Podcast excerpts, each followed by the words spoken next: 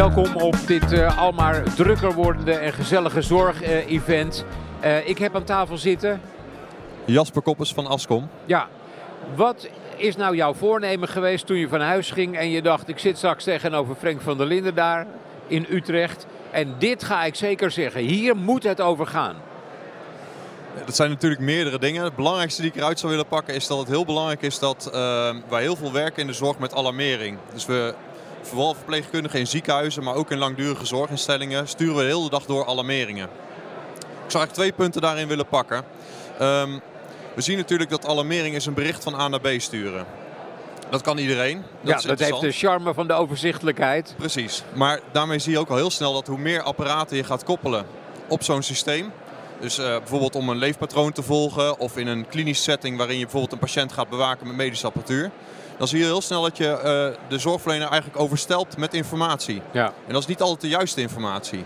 Want een bericht... Ook dat nog. Dus het is heel veel en het is lang niet altijd goed, goede informatie. Ja, te maken met bijvoorbeeld valse alarmeringen of een, een veelvoud, een, een cascade aan verschillende alarmeringen. En wat je eigenlijk wil doen is de zorgverleners in alle situaties wil je context bieden bij een alarm.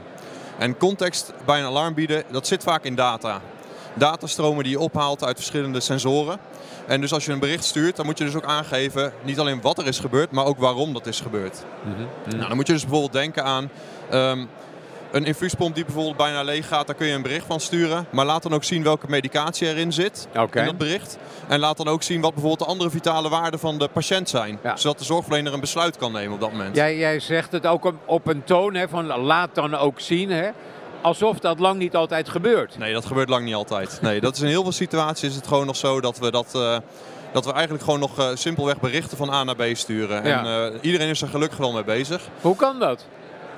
Ja, dat heeft te maken met denk ik ook een stuk uh, aan de ene kant interoperabiliteit. Hè. Als Ascom sturen wij heel erg op openheid van ons platform en proberen we zoveel mogelijk te koppelen. Ja. Maar met zoveel mogelijk koppelen uh, ben je er niet. Uh, dus wij maken daadwerkelijk de stap naar integraties. En integraties is dus dat je op een slimmere manier eigenlijk met elkaar gaat samenwerken met apparatuur van andere fabrikanten. Ja, en voor wat voor instanties bedrijven of wat dan ook werken jullie nou binnen die zorgwereld vooral? Ja, wij werken voornamelijk voor ziekenhuizen en voor langdurige zorginstellingen. En langdurige zorginstellingen moet je dan vooral denken dus aan uh, bijvoorbeeld huizen waar mensen met dementie wonen of met somatische beperkingen. Uh, daar ligt vooral onze focus op de langdurige zorg en nou, uiteraard de ziekenhuizen, daar zijn er 71 van in Nederland uh, ja. uit mijn hoofd. Uh, dat kunnen in principe allemaal onze klanten zijn. We leveren natuurlijk ook nog onze oplossingen in uh, andere sectoren buiten de zorg. Dat vatten we dan maar even samen als enterprise. Ja. Um, maar dat is eigenlijk alles wat niet zorg is. En dan moet je denken aan bijvoorbeeld industriële omgevingen. Ja. 71 ziekenhuizen zeg je. In hoeveel van die ziekenhuizen zijn jullie werkzaam? Ik zou zeggen ongeveer de helft. Um, het is alleen wel zo dat uh, veel mensen kennen Ascom van origine als de leverancier van de rode drukknoppen. Dan zeg ik het maar even heel plat. Ja. De rode drukknoppen zeg maar, van het verpleegoproepsysteem. Dat is ook van origine waar Ascom vandaan komt. Langzaamaan is daar het uh, mobiliteitsportfolio in de vorm van dektoestellen. Dus echt meer de mobiele kant zeg maar, is daarbij gegroeid. Ja. Op een gegeven moment hebben we ook een eigen smartphone op de markt gebracht.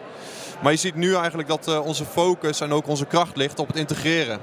En uiteindelijk dus het brengen van de juiste informatie naar zorgverleners. Zodat zij die vitale kritische beslissingen tijdig en snel met de juiste informatie kunnen nemen. Als we er even uh, een term bij uh, halen uit uh, de, de, zorgwereld. Hè. is het, laten we zeggen, een geneeskrachtig recept dat een speler als Ascom zo alom aanwezig is in de ziekenhuiswereld? Is ja. het gezond? Ja, maar je moet, als ik 50% van de ziekenhuizen zeg, dan moet je dus wel denken in... Uh, we hebben een heel breed portfolio. Ik ben verantwoordelijk voor dat hele portfolio voor de ziekenhuizen. Je zou dus in een ziekenhuis bijvoorbeeld dat verpleegoproepsysteem kunnen tegenkomen. En in andere ziekenhuizen kom je dat systeem misschien niet tegen en doen we alleen medische apparatuurintegraties met ja, onze software. Okay. En weer op een derde hebben we misschien een piepensysteem voor het oppiepen van het uh, BAV-team. Dus onze oplossingen zijn heel breed. Dus, uh, het is niet zo dat als jullie in een ziekenhuis werkzaam zijn dat je dan ook op al die terreinen in die ziekenhuizen... Nee, absoluut niet. Je moet het zo zien.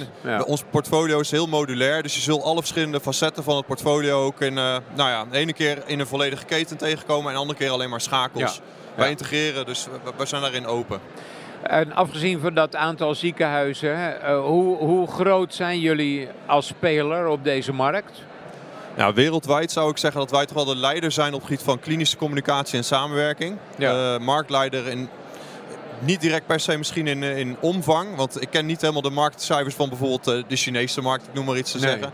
Maar in de westerse wereld is 3 miljard mensen wonen. Dus als je daar veel doet in ziekenhuizen, dan... dat, dat zou inderdaad nog best wel eens de, de context inderdaad kunnen, iets anders kunnen neerzetten. Maar als ik kijk naar Nederland zeg maar, dan, en in de westerse wereld, dan is Ascom echt een gerenommeerde naam. En um, ja, hebben we daadwerkelijk onze plek ook wel ver, verworven zeg maar, om, uh, om ook leidend te zijn op het gebied van waar gaan we naartoe met de zorg. Wat zouden jullie nou nog beter willen doen? Ik bedoel, uh, als je je wil ontwikkelen, dan zou je ook moeten weten waar de winst nog ligt. waar je gewoon eigenlijk in je eigen ogen nog niet voldoende goed in bent.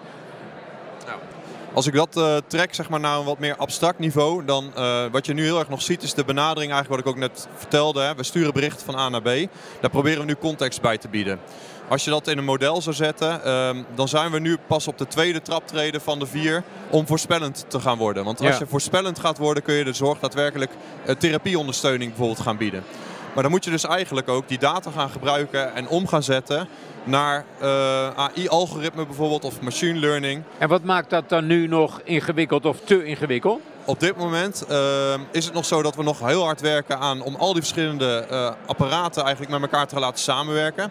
Dus we zitten zo, zou het kunnen zeggen dat we nog in een single device paradigma zitten. Ja. Dus we bekijken ieder medisch apparaat bekijken we nog als een apparaat op zich. Dus een patiëntmonitor is een patiëntmonitor. Maar wat nou als je zeg maar, de stap verder gaat maken naar volledige samenwerking? Dus de patiëntmonitor die kan gaan spreken met de infuuspomp bijvoorbeeld. Ja. En die kan dus ook bepaalde gegevens bijvoorbeeld zien die er in die infuuspomp zitten of zelfs in, dat, in de patiëntmonitor zitten. En dat dan weer delen met andere, andere platformen. Ik denk dat dat een stap is waar wij als Ascom heel hard aan werken. Zover zijn we nog niet. Zoveel er is de markt denk ik ook nog niet. Ja. Uh, maar ik kan me een, voor, een, een toekomst voor me zien waarin we uh, een ziekenhuis eigenlijk een data lake heeft uh, met zogenaamde medical grade data. Dat is een mhm. term die ik nog niet veel heb gehoord hier. Ja. Uh, maar ik denk dat dat iets is waar we naartoe moeten. En daar en, zijn we met uh, interessant dat je dat zegt.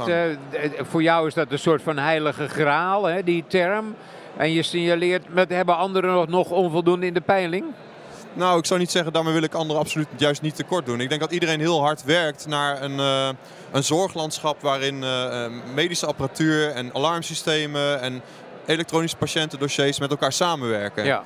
Um, de voorwaarden uh, zijn er nog niet helemaal uh, om daar te komen. Hmm. Uh, we er is eigenlijk behoefte aan een nieuwe normzetting en aan nieuwe standaarden. Ja. En dus om van dat single device paradigma te komen naar een multi-device en het network device paradigma. Zodat dus apparaten met elkaar gaan samenwerken. Ja. Vertaal het even naar je thuissituatie. daarin zien we ook zeg maar, dat we in de afgelopen jaren heel veel smart apparatuur hebben gekregen. Maar werkt het allemaal al samen? Nou, we hebben wel een appje, if this then that. Ja. Uh, we hebben ook Google Assistant, noem het allemaal op. Maar kunnen we echt spreken van samenwerking tussen een UI lampensysteem met een, nou, een, slimme thermostaat? Niet alles is volledig geïntegreerd bij ons thuis, als ik het nou, zo mag uitdrukken. Nou, als ik het dan vergelijk met waar wij staan, dan zitten wij op het niveau van het if this then, if this then that appje. Ja. In de, in de, denk ik in een groot deel van de zorg, als we kijken naar samenwerking over verschillende fabrikanten heen. Um, dus dan zijn we daar al wel. Maar dan spreek je nog niet van volledige interoperabiliteit. En, en waarover uh, zitten jullie met elkaar uh, te dubben? Er zijn ook van die dingen waarvan je denkt, ja, moeten we linksaf, moeten we rechtsaf? Je kan het omschrijven in het ergste geval als een dilemma. Waar gaat, over, gaat jullie interne discussie over? Ja, dat, is, uh, dat vind ik een goede vraag. Waar gaat die over? Want dat is, dat is best nog wel een, een breed... waar, gaat die, waar het over gaat. Is, Want, is, je zit aan tafel en je denkt... Ja kom op, welke afslag gaan we nemen? Ja, nou je probeert vooral natuurlijk echt die, die vertaalslag te maken om uiteindelijk de, de verpleegkundige te helpen. Dus ik denk dat dat ook echt heel belangrijk is. Kijk, het, op dit moment is het gewoon zo, en dat is al jaren zo, COVID heeft eigenlijk dat ook heel mooi blootgelegd. Is dat we uh, zorgverleners eigenlijk uh, ja, een enorme werkdruk op, druk opleggen. Ja. Ze moeten aan allerlei protocollen en kwaliteitsstandaarden moeten ze voldoen. Um, maar als je dan kijkt, zeg maar, welke systemen zijn dat om dat daar ook te ondersteunen en juist het aantal acties te verminderen maar de informatie beter en de besluitvorming gemakkelijker te maken, dan is dat beperkt. Dus ja, ik wil naar een, een, toekomst waarin alles met elkaar gaat samenwerken. Maar ik kijk ook wel naar vandaag de dag. Heel Mhm. simpel. Van hoe kunnen we het aantal handelingen bijvoorbeeld verminderen. Ja. eh, en sneller de juiste informatie tonen. Zonder dat een zorgverlener drie apps moet doorklikken. Ja, Dus ja, dat zijn ook vooral de interne discussies. Ja. Als je, als je het hebt over het aan elkaar plakken van al die systemen, hè, om het zo lelijk mogelijk te zeggen. Eh, dan is een schrikbeeld van eh, deze en gene, eh, en niet alleen maar van 85-jarige eh ingesukkelde mensen, dat eigenlijk het humane uit het systeem verdwijnt. Het heeft een humane bedoeling, die zorg verbeteren, daarover geen twijfel. En tegelijkertijd kan het ertoe leiden dat mensen het idee krijgen dat ze als persoon uit beeld verdwijnen. Hoe gaan jullie daarmee om? Ja. Dat is inderdaad een discussie die je heel veel hoort. Ehm, ik zie hem bij ons nog niet zozeer terugkomen. Omdat wij nog wel heel erg die zorgverlening juist in kracht proberen te stellen. En dat zij zelf die besluiten kan nemen. Ehm, dat doen niet onze systemen op dit moment nog voor. Dus wij geven de toolbox eigenlijk in handen om wel eh, de besluitvorming makkelijker te laten plaatsvinden. Ja. Uh, maar mijn moeder werkt bijvoorbeeld zelf op de IC. En ik, ja, en ik kom natuurlijk regelmatig ook in ziekenhuizen. Ja, zorg is uiteindelijk wel echt mensenwerk. Het is een dooddoener, maar nee. het maar is wat, wel wat zo. zegt jouw moeder dan van lieve jongen, help mij nou aan dit of dat? Wat wil zij van jou en Ascom hebben? Nou, ze wil natuurlijk vooral betere, betere en snellere informatie en minder handelingen. Ja. Dat, is denk, ik, eh, dat zijn denk, is denk ik wel de basis. Kijk, en om dan de stap te maken zeg maar, naar minder handelingen, dat kun je denken in gewoon simpel infra of infrastructuur en eh, grafische user interface bijvoorbeeld ontwerp. Ja. Ehm, maar als je uiteindelijk naar een stukje voorspellend gaat, dan kun je daadwerkelijk ook minder handelingen gaan doen.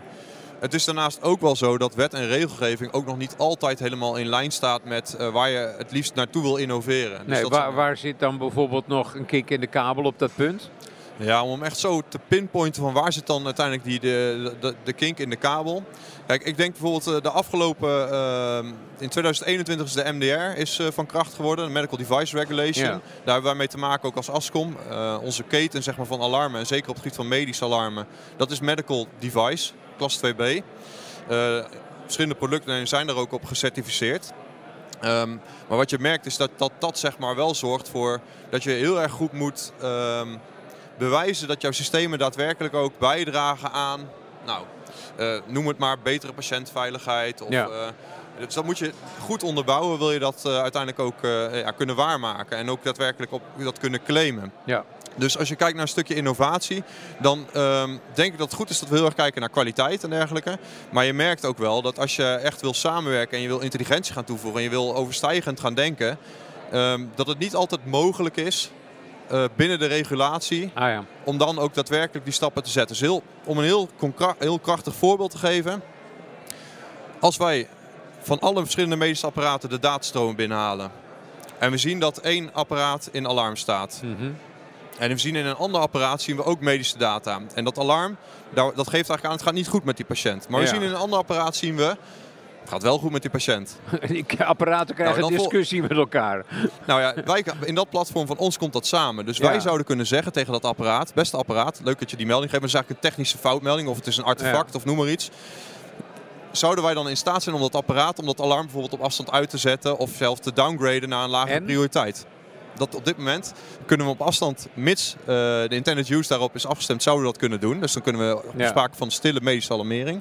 Maar de prioriteit naar beneden stellen, dat is een eh, no-go op dit Nee, moment ja, nog. ja, ja, ja. Terwijl dat in sommige situaties, ik heb daar ook met een aantal mensen over gesproken in de, in de zorg, en zou dat best wel een uitkomst kunnen zijn om, eh, om het aantal alarmen dus ook te verminderen. Ja.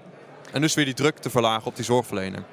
Nog eentje. Eh, welke opdracht in, in een eh, belangrijk ziekenhuis had eh, Ascom graag willen hebben, maar kregen jullie jammer genoeg niet?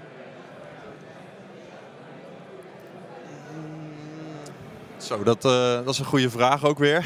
Wat is eh, de. Dat je denkt, verdomme. Nou, ik vind het, ehm, wat ik heel jammer vond, is ehm, ehm, wij zijn met het, eh, het Slingeland ziekenhuis, we hebben een hele goede proof of concept gedaan van COVID-19 monitoring van, met, met wearables. Ja. In een, wel, weliswaar binnen een ziekenhuisklinische setting. En die proof of concept is succesvol bevonden. Die werd ook goed beoordeeld en het droeg daadwerkelijk bij ook aan Ja. nou ja, een goed beeld van de patiënt. En er werd efficiënte zorg verleend.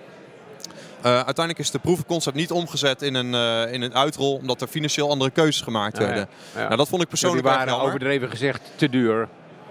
Ehm, de business case is nog niet sustainable. Zou ik hem meer misschien kunnen... We houden het daarop. Ja. Ja. Nou, En, dan, en, dan, merk je zeg maar wel dat we zijn in Nederland heel hard op zoek naar natuurlijk innovatie. Ja. men is heel hard bezig ook met wearables bijvoorbeeld. Dus ook medische wearables om bijvoorbeeld patiënten in de thuissituatie te kunnen volgen. Uh, voor een behandeling, maar ook nadat ze behandeld zijn. Om te kijken of het herstel voorspoedig gaat.